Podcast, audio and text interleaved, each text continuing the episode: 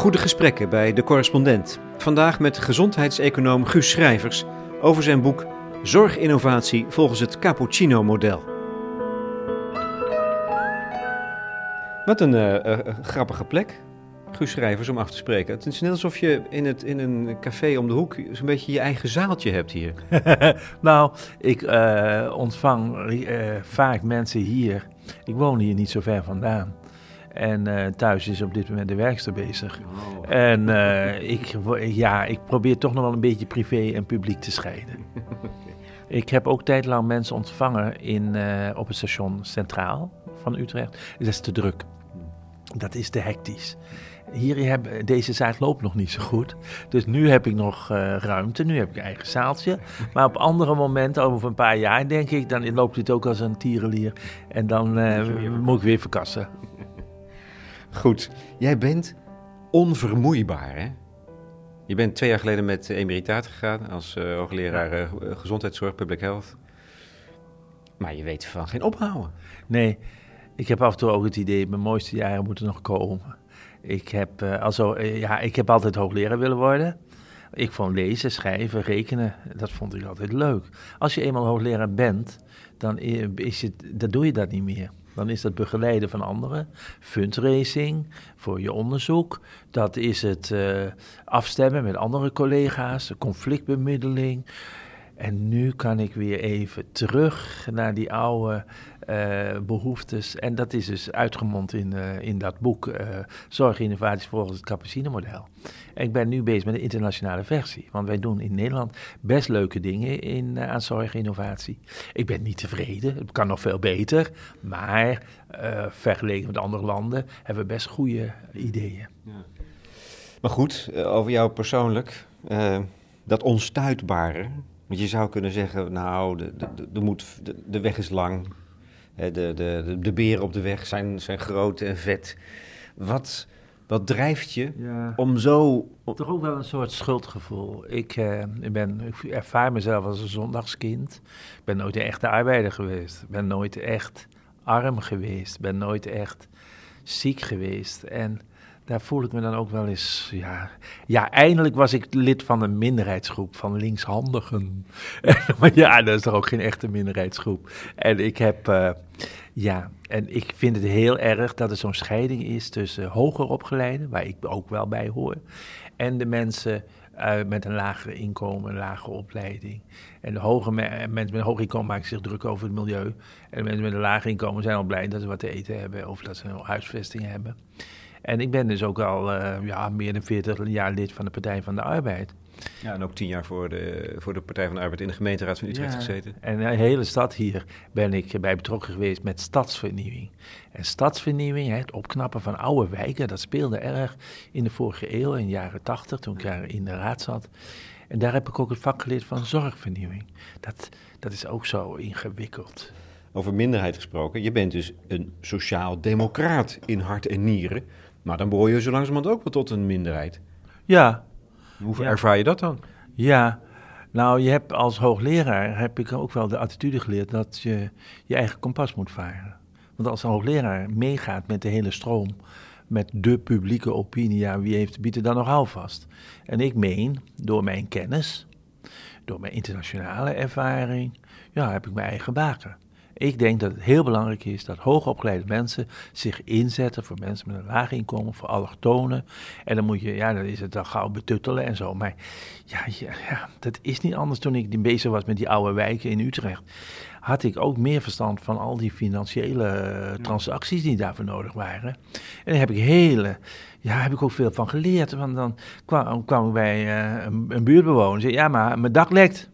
En ik als wijsneus, doctorandus in de economie. En ik zei, nou mevrouw, dat komt door de fundamenten. U moet uw fundamenten aanpakken.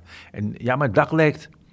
Ja, uiteindelijk dan, wat je dan moet doen, dat is gewoon het dak repareren. En een jaar later kom je terug en dan lekt het weer. En dan kun je geleidelijk aan, maar je moet in eerste instantie de acute nood lenigen. Dus ik heb er wel heel veel um, geleerd in de loop der jaren. Maar ja, eigenwijzigheid is mij niet helemaal vreemd. Dat dacht ik al. Ik, heb, ik had het zo, dat was een van mijn vragen, echt waar. Wat ben jij voor iemand eigenwijs, koppig? Nou, koppig niet hoor, maar wel eigenwijs. dat ik me niet zo gauw laat overtuigen. Ik kan ook niet tegen als mensen zeggen, ik als dokter weet het het beste. Ja. zeg, ja, oké, dat is geen argument. Vertel nou even hoe het zit, hoe het werkt, waar kan, u wil voetnoten zien. Dus in die zin uh, moet je ook wel eens tegen de stroom ingaan.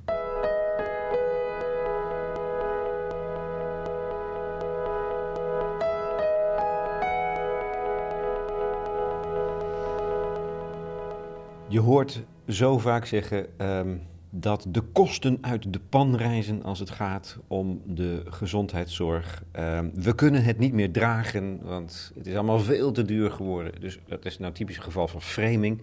En jij durft in het begin van jouw boek, dat, is, dat heeft iets van een handboek. Het is zeer uitputtend en zeer gedetailleerd en constructief. Zorginnovatie volgens het Cappuccino-model. Durf jij te beweren, het gaat eigenlijk gewoon heel erg goed met de Nederlandse gezondheidszorg. Terwijl de urine langs de engels van mevrouw Van Rijn stroomt. Ja, dat is ook goed. Hoe zit het dus eigenlijk? Ja, nou, kijk, dit is natuurlijk heel erg. En daarom zijn we er ook bovenop. Maar er gaan hier in Nederland geen mensen, demente bejaarden dood in metrostations of op hoogkaterijnen. En dan is er wel één incident, en dat is natuurlijk verschrikkelijk. Van, uh, en uh, zeker als het ook nog eens een keertje uh, de moeder van is. Maar dat, als je dit dus bekijkt, dan zeg ik nou, uh, ik ben blij dat we in Nederland de ouderenzorg op goed peil hebben. En dat dat niet zo gebeurt als in andere grote steden, waar je zwerfjongeren hebt, waar je dementerende hebt, oud-alcoholisten hebt, die dus gewoon in de publieke ruimte moeten vertoeven. Dus wat dat betreft vind ik dat wij daar, dat we dat wel goed doen. En uh, ja, het is ook een kwestie van framing, wat je zegt, van we moeten het flink aanzetten. Want wat ik nou miste bij de discussie van uh, ja. mevrouw Verijn die slecht uh, verzorgd wordt, dan denk ik, dan moet je wetenschappelijk benaderen. Dat verpleeghuis waar ze verblijft, dat doet mee met allerlei benchmarks. Nou, dan had dus uh, Helene Dupuy als voorzitter daar had moeten zeggen, ik heb hier mijn overzicht en daar stuur ik op. En ze krijgen allemaal achter en negens dit verpleeghuis. Ja, wat moet ik dan doen? Dat is benchmarking. In vergelijking met uh, uh, vergelijkbare instituten in ziekenhuizen. Nodig, juist bij dit soort incidenten. Als je dus goed cijfers op orde hebt, hè, dat je zegt, nou, hè, dan gaat er iemand dood in het ziekenhuis en je haalt de pers en het is niet goed. Dan is natuurlijk toch wel fijn dat je kan laten zien, ja, ik, het is niet de hele serie. Dit kan gebeuren, beste mensen in Nederland. Maar kijk, we hebben hier onze mortaliteitscijfers en die zijn gunstiger dan elders. Ja, en het kan, het zit tegen of we hebben maatregelen getroffen. Uh, uh, het, het kan de beste overkomen. Jij zegt, het gaat eigenlijk heel goed met die Nederlandse gezondheidszorg. Maar er zijn wel wat bedreigingen, ontwikkelingen die, waar, waar, je, die je moet tackelen voor de toekomst.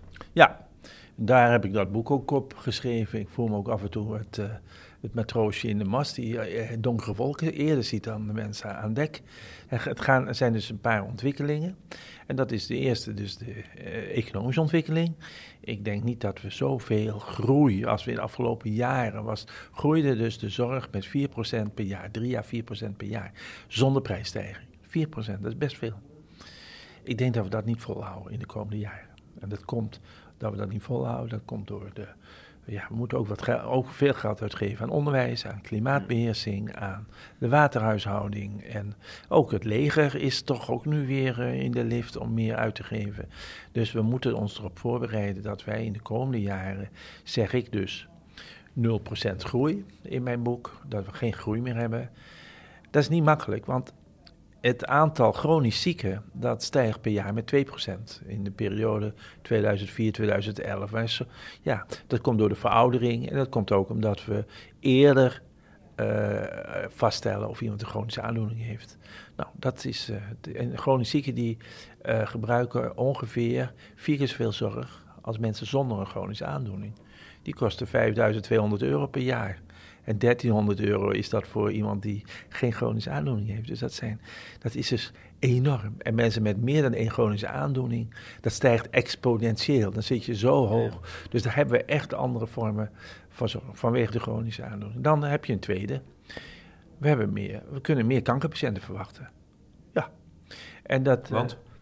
Want uh, ook door de veroudering, ook uh, kanker is een vorm van uh, een ouderdomsziekte. Er zijn natuurlijk ook heel veel vrouwen op 30-jarige leeftijd, maar grosso modo is er wel een verband. Ten tweede gaan we veel meer screenen, dus je kunt, je gaat ze op jongere leeftijd al doen. En ten derde, er is ook sprake van overdiagnostiek. Want ja, wat noem je nou, ja, een, een, een, want eigenlijk is het woord een goedaardige tumor. Nee, je hebt een puistje en je hebt kanker. Maar een goedaardige tumor, dat is ook wel een kwestie van framing. Dat, dat klopt niet. Daar moet je eigenlijk een ander woord voor vinden. En ja, dus je hebt een heleboel dingen in de prostaat. Van, ja, moeten we dat behandelen of niet? Er is wel een kans dat je kanker krijgt daaruit, maar dat is niet gezegd. Het, uh, ervaren artsen zeggen ook wel, er sterven meer mensen met prostaatkanker dan aan prostaatkanker. dus daar moet ook eens goed over nagedacht worden. Dan heb je ook, daar ben ik ook met een heel project bezig, nog steeds over uh, willen patiënten wel chemokuren? Willen ze wel de strijd voeren tot aan het bittere laatste eind? Dus bij de, er komen 4% meer kankerpatiënten per jaar. En die kosten die groeien ook wel zo'n beetje in die, in die percentages. En daar zouden we ook, ook bijvoorbeeld de nabehandelingen.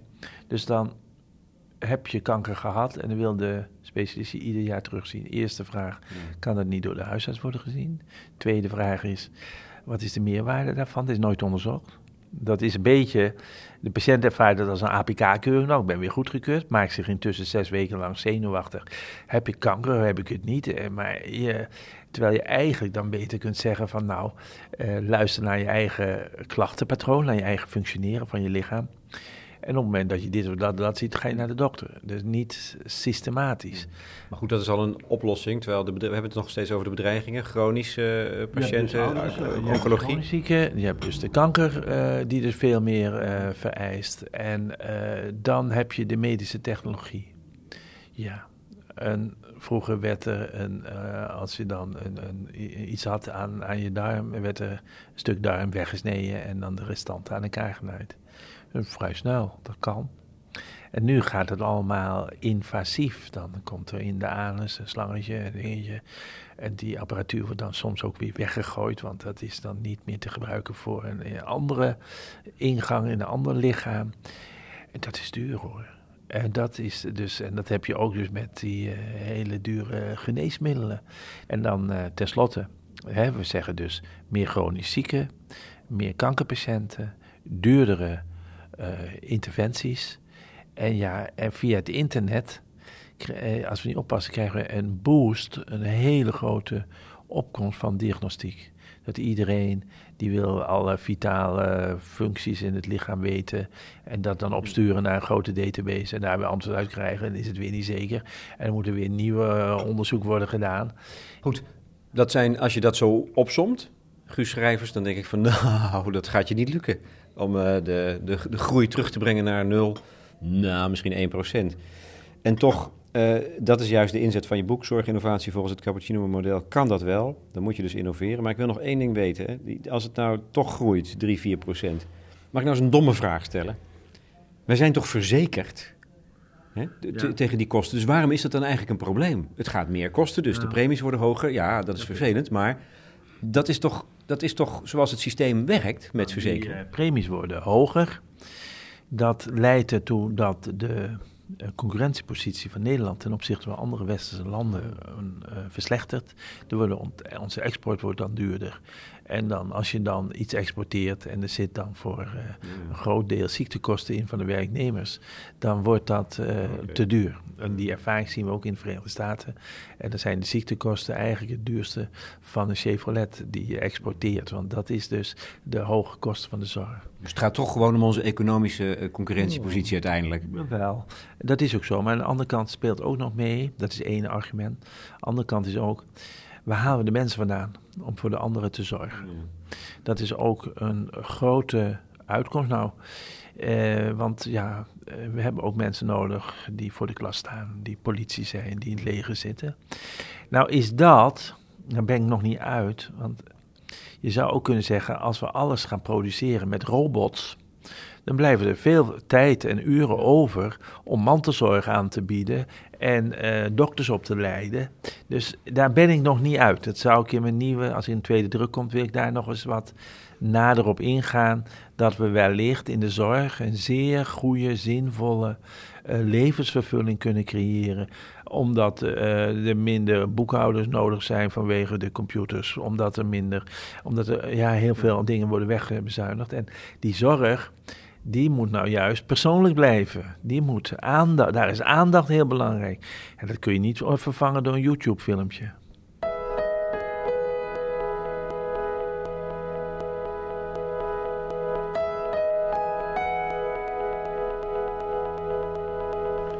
Dit is de stand van zaken. Wat is nou de oplossing? Dat is eigenlijk een drietrapsraket, zoals ik het begrijp. Dat gaat over het gedrag, moet je beïnvloeden. Innoveren, innovaties moet je stimuleren. En daartussen zit een schakel van de financiën. Nou. Uh, en, en onder dat financiële model valt dan dat cappuccino-idee, waar wij nu ook trouwens van genieten hier. In de stationsrestauratie, roerend in ons kopje koffie. Drie dingen dus. Gedrag. Jij bent een groot voorstander volgens mij van libertair paternalisme. En ja. daar zijn niet alle filosofen het mee eens. Jij wil graag de keuzemogelijkheden van mensen beïnvloeden, maar dan kom je aan de autonomie van mensen. Nou, maar in beperkte mate. Dat is dat libertaire. Het is dus, uh, uh, er wordt ook wel gezegd, ja, dat is paternalisme light. En ik zie dat hele geringe financiële prikkels al werken. Even een, voorbeeld uit dagelijkse praktijk. WhatsApp is gratis en sms, sms moet je betalen. Voor sms moet je betalen een paar cent, echt. 7 cent. er zijn dus mensen die dus zeggen, nee, dan ga ik whatsappen. Dan bespaar ik dat. Dat doe je dus eigenlijk niet om je behoeftebevrediging te maximaliseren. Nee, uh, het is zonde om geld te verspillen als het niet nodig is. Maar ik heb bijvoorbeeld ook dat ik altijd punten wil hebben bij Albert Heijn. Want dan kun je wat kopen. Weet je, en dan heb ik heel veel airmiles. Ik heb het nog nooit gebruikt. En dan denk ik, oh ja, maar ja, als ik het gratis is, dan, uh, ja, dan wil ik ze, lever ik het wel in. Dus uh, hier zie je dat het libertair paternalisme uitgaat van een hele geringe beloning. En nou heb je bijvoorbeeld ehm, in Zuid-Afrika een heel programma dat je uh, als, bij een zorgverzekeraar spaarpunten kunt verdienen als je gezonde producten koopt. En dan betaal je voor uh, goede, uh, goede voeding, tomaten, mandarijnen, sportschoenen, ja. Maar daar houden de verzekeraars zich mee bezig? Ja, want door dat gedrag, en dat is ook aangetoond, en dat staat ook in mijn boek, door die gezonde voeding gaat die kosten van de gezondheidszorg omlaag. Dus die zorgverzekeraar, die wil graag dat mensen gaan hardlopen. Dus als je lid wordt van een sportclub, eh, krijg je korting op die, omdat je bij hun verzekerd bent, krijg je korting op de sportclub. En als je sportschoenen koopt, krijg je korting. En als je een keertje meeloopt op zo'n zondagse loop, krijg je korting. En die korting, daar reageren mensen op. Want dan krijgen ze dus korting op gezonde voeding. Maar die gezonde voeding is eigenlijk duurder dan gewone voeding. Maar ze, ze lopen erop af. Ze vinden dat goed.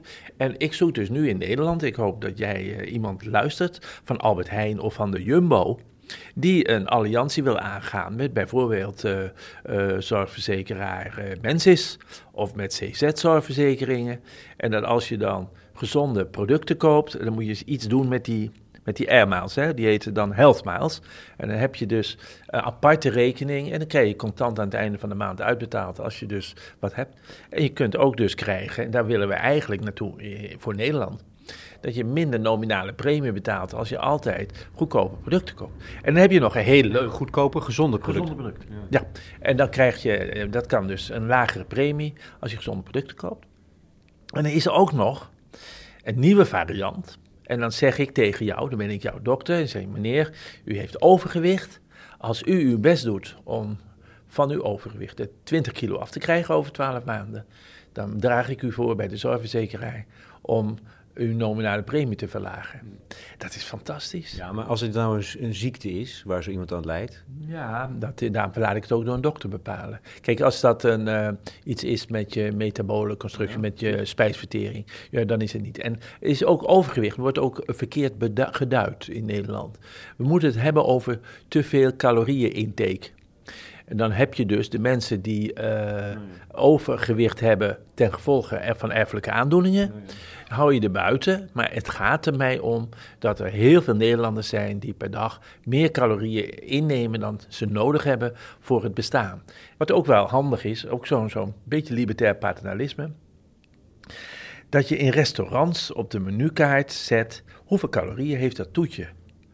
En, dan, en dat, heb, dat breng ik nog wel eens, want dan is het wel een beetje dat ik de weerstand opzoek. Want dan zeg je, ja, maar ik wil lekker eten. En als ik dan zo'n hele vette, vet toetje wil met veel slagroom, dan moet ik toch weten, zeg je wel, je mag het ook allemaal zelf weten.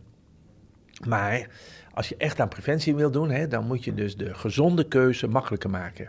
Dat is het beleid in andere landen dan in Nederland. Make the healthy choice easier. Maak de gezonde keuze gemakkelijker. En als je dan in zo'n menukaart staat, mandarijntje, zoveel calorieën en een stuk appeltaart met slagroom, eh, dat is dan x keer zoveel. En dan mag je nog zeggen van nou, het is, uh, ik neem het ervan en dat doe ik zelf ook wel. En nou eens een keertje bloemetjes buiten zetten. En morgen ga ik wel weer uh, afvallen en, en, gezonder leven. Vind ik helemaal niet erg. Kijk, libertair paternalisme, dat is ten eerste maar een heel klein beetje. En ik denk dat we dat allemaal doen, dat dat leiding geven ook een beetje is, want dat is het woord in de gedragseconomie dat heet nudge, N-U-D-G-E. Nudge is een por is een aanmoediging. Als ik bij FC Utrecht op de tribune zit, moedig ik ze aan. Dan ga ik ze niet paternalistisch zeggen wat ze moeten doen. Nee, je moedigt ze aan. en dat is dus de, dat is de kunst. En dat is zo inge... En mensen die daar tegen zijn, die begrijpen weinig wat ouders met hun kinderen doen. Je bent gedragseconoom uh, en dat uitzicht dan hier. Dus dat het, dat het de, de belangrijkste vorm van gedragsbeïnvloeding, en die is massaal nodig, zit hem in die al dan niet kleine financiële prikkels. Ja. Meer ook dan bijvoorbeeld in belastingheffen? Of is het... Wel, nou, maar die belastingheffing, dat werkt ook psychologisch. Kijk, ehm, maar eerst even nog dit. Ik ben nu gedragseconoom, zo zie ik mezelf. Maar ik ben begonnen als wiskundige econoom. Ik ben afgestudeerd bij Wim Duisenberg als macro-econoom. En dat was, ja, toen ben ik in de gezondheidseconomie terechtgekomen. Nu, de laatste twee jaar zie je dus een aantal economen, die hebben een Nobelprijs gewonnen. Zeggen, ja, maar de mens is geen homo economicus. Die, is niet altijd rationeel. En uh, die moet zichzelf ook beheersen. Die homo economicus, die is dus aangevuld. Die marktwerking wijs ik niet af. Maar we gaan er even van uit dat mensen niet altijd heel rationeel beslissen. Die hebben de neiging hun toekomst uh, gunstiger voor te stellen dan ze denken van ja, maar iedereen gaat dood aan kanker, maar ik niet hoor als ik sigaretten rook. En iedereen heeft last van eh, eh, COPD als je overgewicht hebt en zo, maar ik er niet. Dus um, die hele lijn van dat libertair paternalisme, daar zit dus in dat je moet rekening houden met psychologische factoren. En hoe kom je daarachter? Dus dat is door gewoon goed na te denken. En wat ik dus zeg, van, ja, die, die spaarzaamheid, dat is een, Nederlandse volksaard. En door te experimenteren. En dat hebben dus die mensen in Zuid-Afrika gedaan met een spaarprogramma voor gezonde. Nou, dat werkt. En dan ben je blij. Dat, daar kun je theoretisch bezwaren tegen hebben. Maar uh, wat uh, mijn collega's in Engeland zeggen is: What matters is what works. Dus als het werkt, is het goed. En dat, dat doet het. Dit zijn een paar voorbeelden van um, de manier waarop je dat kunt, dat, dat gedrag kunt nou, beïnvloeden. Een beetje de, de goede por geven in de goede richting.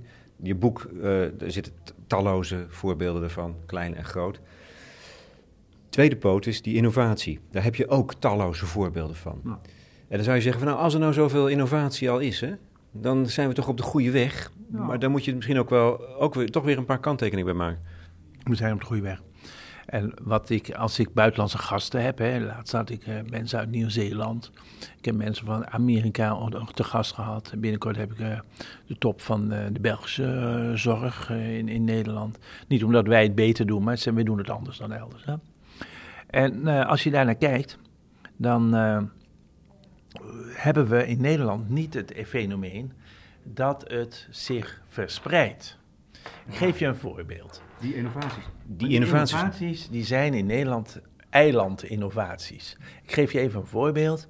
De diabeteszorg in Amersfoort, eh, die gezamenlijk wordt geboden door huisartsen en internisten en anderen. Die zijn top of the hill. Uitstekend. Want dan hebben ze heel goede ICT-ondersteuning.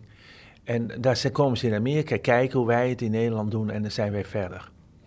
En dan, maar dan wij, wij in Amersfoort alleen. Alleen in Amersfoort. Het wordt dus niet verspreid. En wat ik dus mis, dat is dus dat je zegt, nou oké, okay, uh, we hebben gezien dat in Amersfoort op een bepaalde manier goed werkt. Wie het voorbeeld van Amersfoort overneemt binnen 1, 2 jaar, krijgt 100.000 euro extra. Dat krijgt hij mee, want dat is voor, om de voorlopers aan te moedigen. Dat is weer zo'n financiële prikkel. Wie het daarna doet, die krijgt alleen maar, eh, krijgt geen geld, maar wel cursussen om dat te leren, hoe ze dat daar doen. En die, dat is dan gratis. Die krijgt dus een beetje alleen een onder, innovatieve onderwijsstrategie.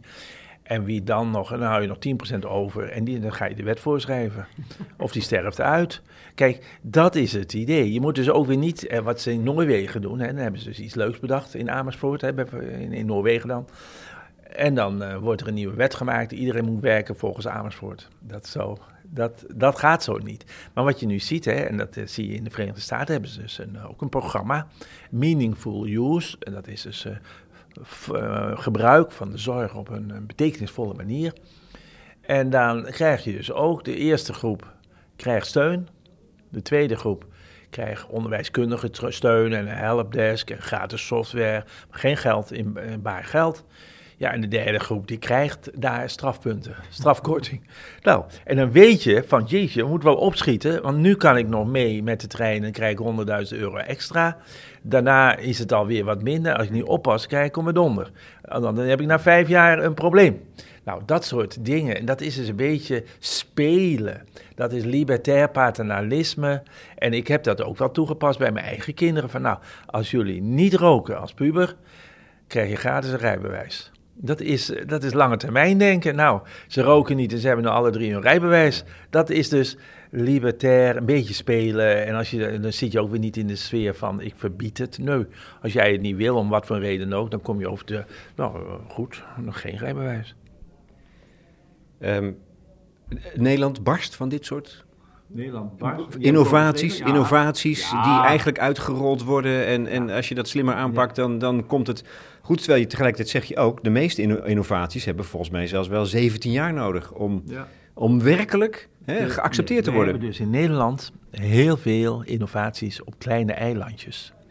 En maar dat, ook, ook, op die eilandjes duurt het nog behoorlijk lang. Nee, dat kan sneller. Dat is uh, dat, he, dat hele traject in Amersfoort met Diamuraal. Dus in een paar jaar gebeurd. Omdat er toevallig huisartsen waren met verstand van zaken. Omdat er toevallig huisartsen internisten waren die goed met elkaar konden opwerken.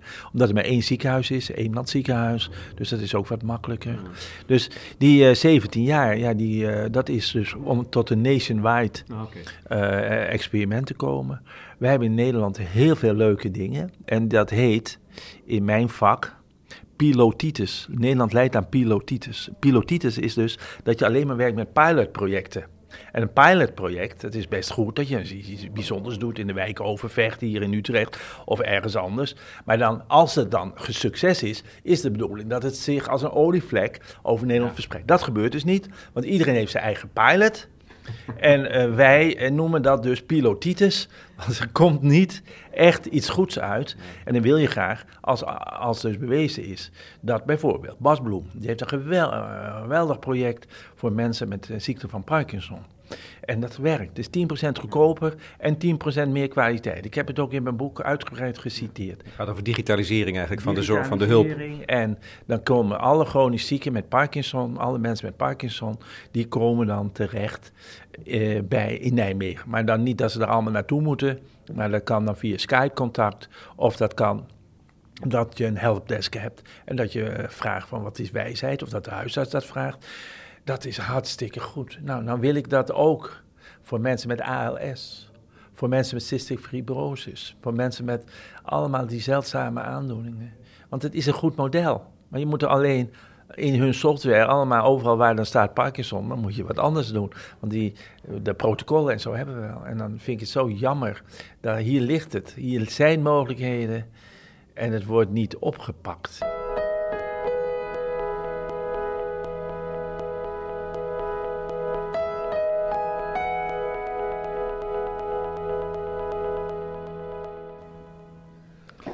Goed, ook dit is inspirerend.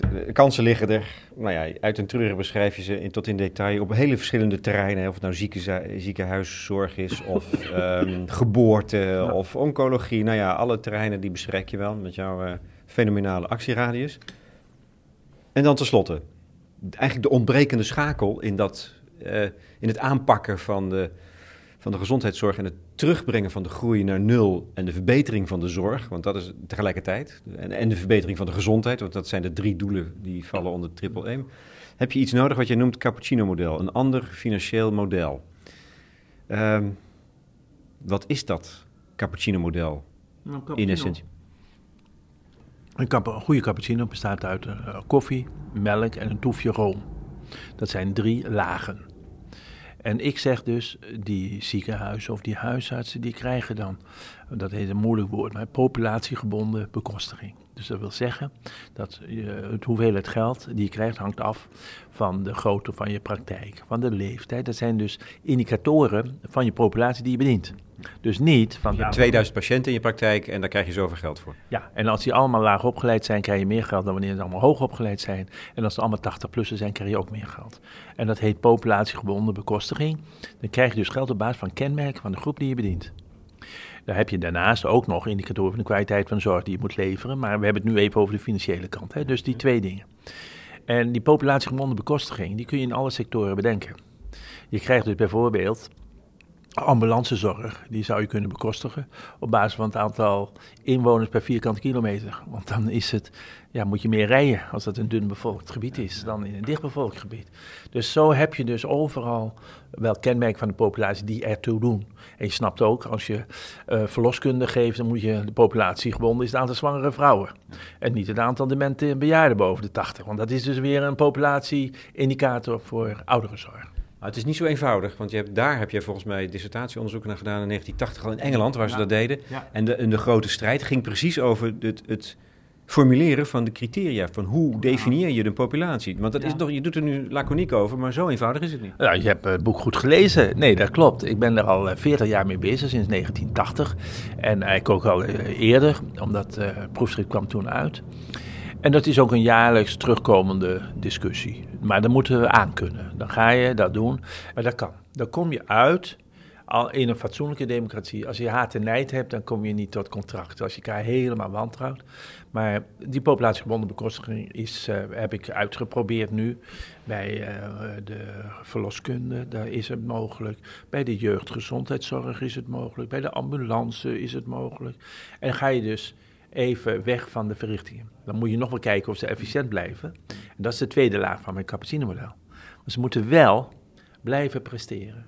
Want we hadden zo'n populatiegebonden bekostiging een beetje in de jaren tachtig. En toen werden alle dokters en ziekenhuizen werden lui, want we hebben toch al ons geld. Waarom zouden we nog presteren? Toen kreeg je lange wachtlijsten. Daar is het tweede Paarse kabinet onderdoor gegaan. En Els Borst, die, heeft, uh, ja, die had het daar moeilijk mee, want ik kreeg enorme wachtlijsten. Want ja. uh, men zei, ja nee hoor, we, gaan dus, uh, we hebben nu toch ons geld. En daar, toen, toen kwam Pim Fortuyn ja, en die schreef het. En langs die wachtlijsten binnen. En die wachtlijst was een van de puinhopen van Paars. Dus heel veel mensen van mijn generatie, die nu topfuncties hebben in, uh, bij het ministerie en bij zorgverzekeraars, die weten dat nog. Dus heb ik dus in mijn model gezet, nou, ik wil ook een, een kleine financiële prikkel. Weet je wat zo mooi werkte bijvoorbeeld? Huisartsen hebben een abonnementsysteem, hè? En die hadden het beest achter druk toen de uh, varkensgriep uh, hier uh, binnenkwam. En dat kun je misschien nog wel herinneren. Dat we daar enorme toestanden hadden in 2011. Ja, die huisarts wordt een klein beetje betaald, 9 euro per verrichting. Dus die wachtkamer staat er overvol. Maar die huisarts die krijgen gewoon wat extra geld op. Het is een soort ventiel. En dat heb ik ook gemerkt hoe dat werkt in Finland. Daar heb je dus orthopeden. En die hebben dan worden afgerekend op x operaties per maand. Ja, en dan is het glad in de winter. En dan heb je op een gegeven moment 10% meer gebroken heupen. Dan krijgen ze per gebroken heup 100 euro meer. Dat is echt niet zoveel voor zo'n inkomen als je... Maar, maar wel weer zo'n kleine uh, financiële prikkel. intelligente prikkel. en dan is het... Ja, dan kom je thuis en ja, god, ik heb wel over moeten werken... maar ik heb deze maand 600 euro extra inkomen. En het, is, het werkt. En dat, terwijl je eigenlijk zou denken aan mensen... wat laat je jezelf toch kennen? Voor 7 cent minder eh, ga je whatsappen... En je bent trots als je een paar honderd euro... En dan hebben ze meestal al een inkomen van 10.000 euro per maand, hoor. Dan krijg je nog ja. een paar honderd euro meer... omdat je wat meer operaties hebt gehad. En maar goed, dat is, dat is, dat is de, de tweede, tweede, laag. tweede laag. En overigens, dat abonnementsgeld, de huisartsen... hebben dat eigenlijk al, Ja. nu. Die Ja. functioneren al zo. En we zijn bezig om dat voor wijkverpleegkundigen in te voeren. En ik hoop dat dit dus gaat leven en dat we in alle sectoren nadenken. Mm. En ook bij de ambulancezorg kom je ook geleidelijk aan dat je die kant op gaat. En dan heb je nodig De room. de room. Dat als je innoveert, krijg je apart geld voor die innovatie. Daar gaf ik toen net al een voorbeeld van. van de, en dat kan. En dat is dus een, om de, dat is het vooral bij de voorlopers om de transformatiekosten. Om een innovatie van de grond te tillen, dat weet ik uit die 40 jaar ervaring die ik heb. Ja, dan moet je een jurist raadplegen. Je moet een, ja, een verbouwing moet je laten gebeuren. De software, de operatiekamer moet wat anders. Dat zijn transformatiekosten. En die zijn dus, en dan moet je dus met een eh, moeilijk woord, maar met een business case, hè, dan toon je aan, als wij eh, nu een eh, betere, een extra innovatietarief hebben, dan zijn we over drie, vier jaar zijn we goedkoper. Dat, zo werkt dat. En dat zou je dus op willen doen. En dat, nou, als je dan goed wil opleiden, de verpleegkundigen, de dokters in de nieuwe protocollen, je wil vervangen. En dat is ook met name bij de ICT, heb je nog wel eens dat er dan, ja, als je één kleine interactie, ja, je bent zo weer 30 mil kwijt. Dus dat wil ik dus in dat tarief hebben, om op die manier uit te lokken. En er zijn ook wel voorwaarden bij. Dus als je nieuwe software maakt met uit dat geld van de innovatie, dan ga ik eruit dat die software overal, alle ziekenhuizen daarover kunnen beschikken. Maar dan kan je dus ook op die manier het uitrollen van eh, succesvolle innovaties die, die regionaal of plaatselijk zijn, Ja. kan je stimuleren op die Ja, dat manier. kan je stimuleren. En dat, eh, dan krijg je ook, dat, soms gebeurt het ook wel, dan heb ik een innovatie, iets heel leuks, een online afsprakensysteem. Ik ben huisarts, ik heb een online afsprakensysteem. Nou, en dan krijg je, heb je extra geld gehad, 50 mil, om dat allemaal in te voeren met de e-contacten. En dan moet je ook de bereidheid hebben gedurende twee jaar bezoekers te ontvangen. Want dan ben je een soort modelboerderij. En dan komen ze kijken. Nou, meestal vinden mensen dat wel leuk. Maar ik kan me ook wel weer voorstellen dat je dan een kleine vergoeding hebt. Maar dat moet je dan betalen uit het innovatietarief. Want dat is dus open innovatie. Je hebt ook gesloten innovatie. Die kom ik ook tegen bij ziekenhuizen. Dan hebben ze dus een nieuwe truc uitgedacht om doorlichtwonden te verminderen. En dan willen ze het niet vertellen. Daar gaan we niet over schrijven in medisch contact, want dan hebben wij een voorsprong in de concurrentie. Nou, dat, dat, dat, dat is mij zo vreemd. Gooi het open. Dat is nog marktwerking ook. dat is marktwerking. Maar A, je, eh, gooi het open. Laat het dan maar gebeuren. Dat zie je ook bij eh, vondsten. Als wij in Nederland iets leuks hebben uitgevonden, worden binnen kortste keer in China gekopieerd. Ja, dat hoort ook bij die marktwerking. En, en professioneel wil je elkaar informeren. Ik heb iets goed gevonden tegen doorlichtwonden. Eh, jullie mogen het ook gebruiken. En, en je houdt dan toch die voorsprong. Want die, meestal gaan die ziekenhuizen dan weer verder met eh, die doorlichtwonden. En dan hebben, dus die voorsprong kun je nog wel houden.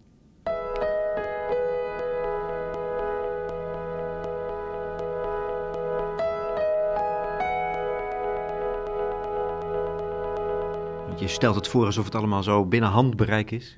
Maar ik, ik, ik hoor de minister al denken van, wat moet ik nou weer een nieuw financieel model optuigen? Zeg het alsjeblieft niet hardop. Nee, dat klopt ook wel. Je hebt dus eh, tegen mijn eh, model zijn drie bezwaren in te brengen. Ten eerste het bezwaar van de gevestigde machten.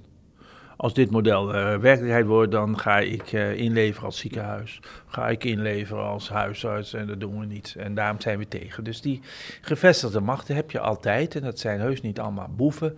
Maar die, die strijd heb je. En die hebben ook invloed op de dingen. Dan is Hoe moet je die winnen? Hoe moet je die slag winnen? ja, nou, dat geef ik in mijn hoofdstuk 17 ook wel aan. Dan kom je uit op een coalition of the willing, een coalitie. Want heel veel boekjes over innovatie zeggen van ja, je moet een groot draagvlak hebben. Maar dan eh, er zijn er twee dingen wat dan niet duidelijk is. Hoe krijg je draagvlak? En ten tweede, eh, wat doe je als je maar voor twee derde draagvlak hebt? Bij twee derde draagvlak zou ik nog wel een innovatie aandurven, want dan heb je een coalitie van de mensen die het willen. Dus dan ben je dus meer op zoek naar geestverwanten die ook willen innoveren, dan naar mensen die toevallig ook in jouw buurt werken. Dus nee, je, wil, je zoekt dan contact met anderen. Dus daar is een heel, ja, daar is een heel gedoe. En daar heb ik die politieke scholing in de PvdA, heb ik daarover van, hoe krijg je draagvlak? Dat wordt te weinig bekeken. En wat doe je als je niet 100% draagvlak hebt? Ja, dan moet je een beetje intelligent spelen. En dat je dan toch nog te doorheen krijgt. Dat is de ene macht. Dan heb je de tweede, dat is de wetgeving. Die wetgeving eh, is best wel moeilijk om een wet te veranderen. Nou, heb ik dat uitgezocht. Voor mijn cappuccino-model hoef je de wet niet te veranderen. Dat is ook, heb ik niet uitgezocht, maar de NZA heeft daar een studie door een gerenommeerde advocatenkantoor gedaan. Nee, het kan. Dus hier, ik pleit geen revolutie van de wetgeving. Het kan. Dan is het de oude, oude gezegde gaat op, waar een wil is, is een weg. Dus het kan daarbinnen. Ik merk ook dat die wetgevingskant, uh, die mensen op de top van VBS, NZA, zorgverzekeringsraars, ziekenhuizen, die snappen wel wat ik heb opgeschreven. En als je dus in een regio het met elkaar eens wordt, huisartsen, verpleeghuizen, ziekenhuizen, plaatselijke zorgverzekeraar, om het anders te doen, omdat dat de gezondheid bevordert, omdat dat de kwaliteit van de zorgverlening verbetert of omdat het kosten bespaart, krijg je ze mee op nationaal niveau. Het, het, het, dus die wetgeving is een bezwaar, maar in mijn perceptie is die niet zo'n groot probleem. Dan is het derde, hoe financier je nou de transactiekosten? Je moet dus wat veranderen. Hoe, dat is best, uh, best veel. En daar is tot nu toe, is daar in Nederland, hebben we heel weinig aandacht besteed. Dat is een beetje een cultuurfactor aan financiële innovaties. Want dan ga ik het even anders financieren, wat ik je net noemde. Hebben we in Nederland geen ervaring mee. Hebben we eigenlijk pas drie jaar geleden hebben we iets gedaan met chronische zorg. Maar je ziet in andere landen dat er heel veel ook met financiële innovatie. Wat gebeurt er als ik een eigen bijdrage zus doe of een iets anders? Het is bij Nederland hol of stilstaan. We gaan nu in één keer de AWBZ opheffen en de wet langdurige zorg. Je had ook kunnen voorstellen, we gaan het nu eerst bezuinigen en we houden nog even die oude structuur. En we gaan eerst even in, uh, ja, ik had erg graag geëxperimenteerd met de wet langdurige zorg die nu zo actueel is in Friesland. Gewoon even ervaring opdoen. En dan weer met de ervaring die je daar hebt gedaan, ga je dat dan weer verspreiden. Dan kom je dus. Dus men heeft met financiële innovaties. Is in Nederland een vergeten gebied. En ja, wij zeggen ook wel. Uh, de, kijk, uh, de weg van Utrecht met de UMC Utrecht en het RIVM en, en al die onderzoeksinstituten die zich in Utrecht is eigenlijk de hoofdstad van de gezondheidszorg. Het zit hier allemaal. Maar de weg van hier naar Den Haag, ja, die is 70 kilometer, maar die duurt zeven jaar. En ik heb, zit al zo lang in dit vak dat ik dus denk dat wij die populatiegebonden bekostiging over zeven jaar wel hebben. Want dan moet het wel. En ik geef dat nu alvast aan. En dat het nu nog niet actueel is, ja, we gaan nog wel even proberen om toch nog wat extra geld te krijgen. En toch 4% te groeien. Maar ik verwacht dat het over een jaar of zeven niet meer erin zit. En dan hoop ik dat ze nog even teruggrijpen naar mijn uh, model. Guus Schrijvers, zullen we nog een cappuccino-model nemen? ja hoor, heerlijk. Dat was voor mij is dat ook een vorm van framing. Bij een cappuccino dan denk je altijd aan uh, toch gezellig en leuk. Is goed te overleggen, waar komen we uit? Ik hoop dat heel veel overlegvormen in de gezondheidszorg ook zo verlopen als dit gesprek. Dankjewel.